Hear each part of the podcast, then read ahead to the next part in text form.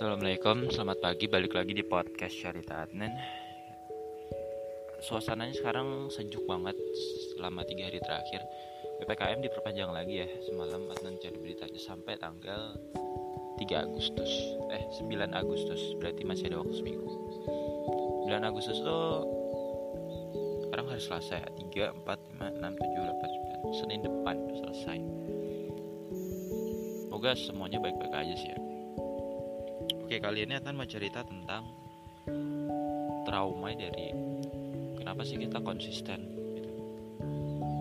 Jangan pikir konsisten itu uh, selalu baik ya enggak. Emang sih konsisten itu kata Nabi SAW adalah hal yang baik meskipun kecil gitu. Tapi kita lihat dulu konteksnya. Kalau kita melakukan kebaikan secara konsisten, oke, okay, apa-apa. Tapi kalau hal buruk jelas itu enggak tapi yang akan bahas di sini adalah sisi gelap dari konsisten. Karena pernah trauma untuk konsisten. Eh, kita kalau konsisten tentu kan melakukan setiap hari tanpa henti. Nah itu buat kita jadi seperti robot kalau kita memaknai salah. Kalau kita nggak memiliki makna hidup, kita akan seperti robot melakukan sesuatu tapi kita nggak tahu ini untuk apa sebenarnya. Kita konsisten aja gitu. Robot itu kan seperti itu. Dia nggak tahu sebenarnya untuk apa. Yang tahu cuma manusia yang buatnya dia melakukan gitu aja. Tapi ya hampa perasaannya kosong. Seperti itulah. Anda pernah rasakan ketika konsisten dalam buat karya. Ada yang perasaan hampa muncul. Sebenarnya Anda buat karya untuk apa sih? Tapi ketika udah punya makna oh membuat karya itu untuk bermanfaat bagi orang lain menyebarkan inspirasi meskipun gak ada yang dengar atau baca tapi Anda tetap konsisten. Itulah konsistensi yang sebenarnya. Mau orang lihat atau enggak kita tetap bekerja tetap belajar. Karena fokus kita bukan untuk ke sana untuk popularitas bukan. Tapi ya mengoptimalkan apa yang kita punya. Jadi yang trauma pertama adalah uh, kita seperti robot. Kita nggak tahu makna hidup. Pun dengan orang-orang yang uh, setiap hari membicarakan kebaikan kebaikan kita lihat dulu apakah dia benar-benar kebaikan atau ada yang khusus yang tersembunyi. Banyak loh orang-orang yang oke okay, setiap harinya dia besar kebaikan. Mulutnya manis. Punya janji-janji ini. Lalu dia merangkak jadi politisi pejabat. Tapi akhirnya setelah apa yang dia dapatkan kotor semuanya. Setelah dia nggak tahu dia nggak pernah melakukan apa yang pernah dilakukan. Nah itu satu keresahan yang ada. Sesali juga awalnya baik tapi ketika ditawari jabatan atau posisi gaji yang lebih tinggi dia jadi semacam lupa diri.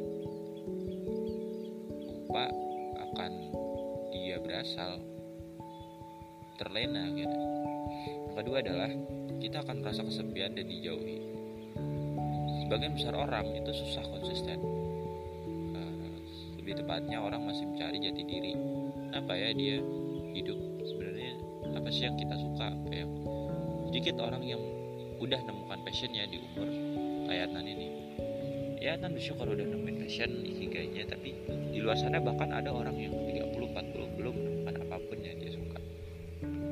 Terus, lepas dari usahanya dia tetap setiap orang memang punya startnya masing-masing.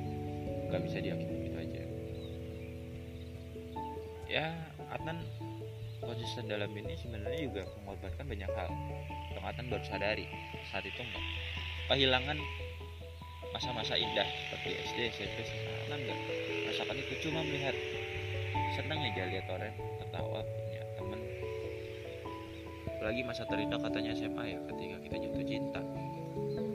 Tentu nggak jatuh cinta ya tapi hanya kagum. Tapi itu pun cuma sesaat.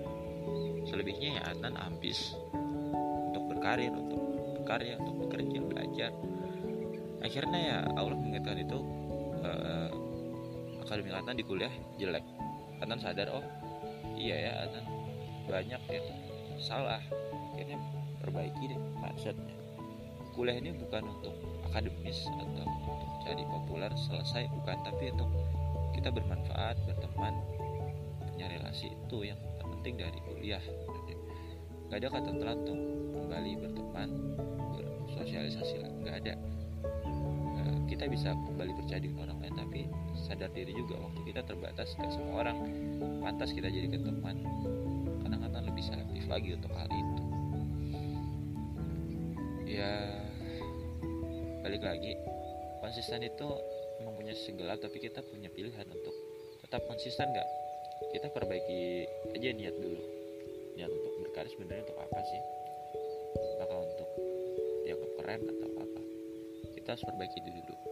Gue pikir cukup ya sampai jumpa di podcast berikutnya. Semoga bermanfaat. Semoga kita semua sehat terus. Uh, temukan apa yang kamu suka. Terus fokus di sana. Satu bidang aja atau dua bidang. Fokus itu sampai benar-benar profesional ikigaimu akan menekan kesuksesan. Selamat berkarya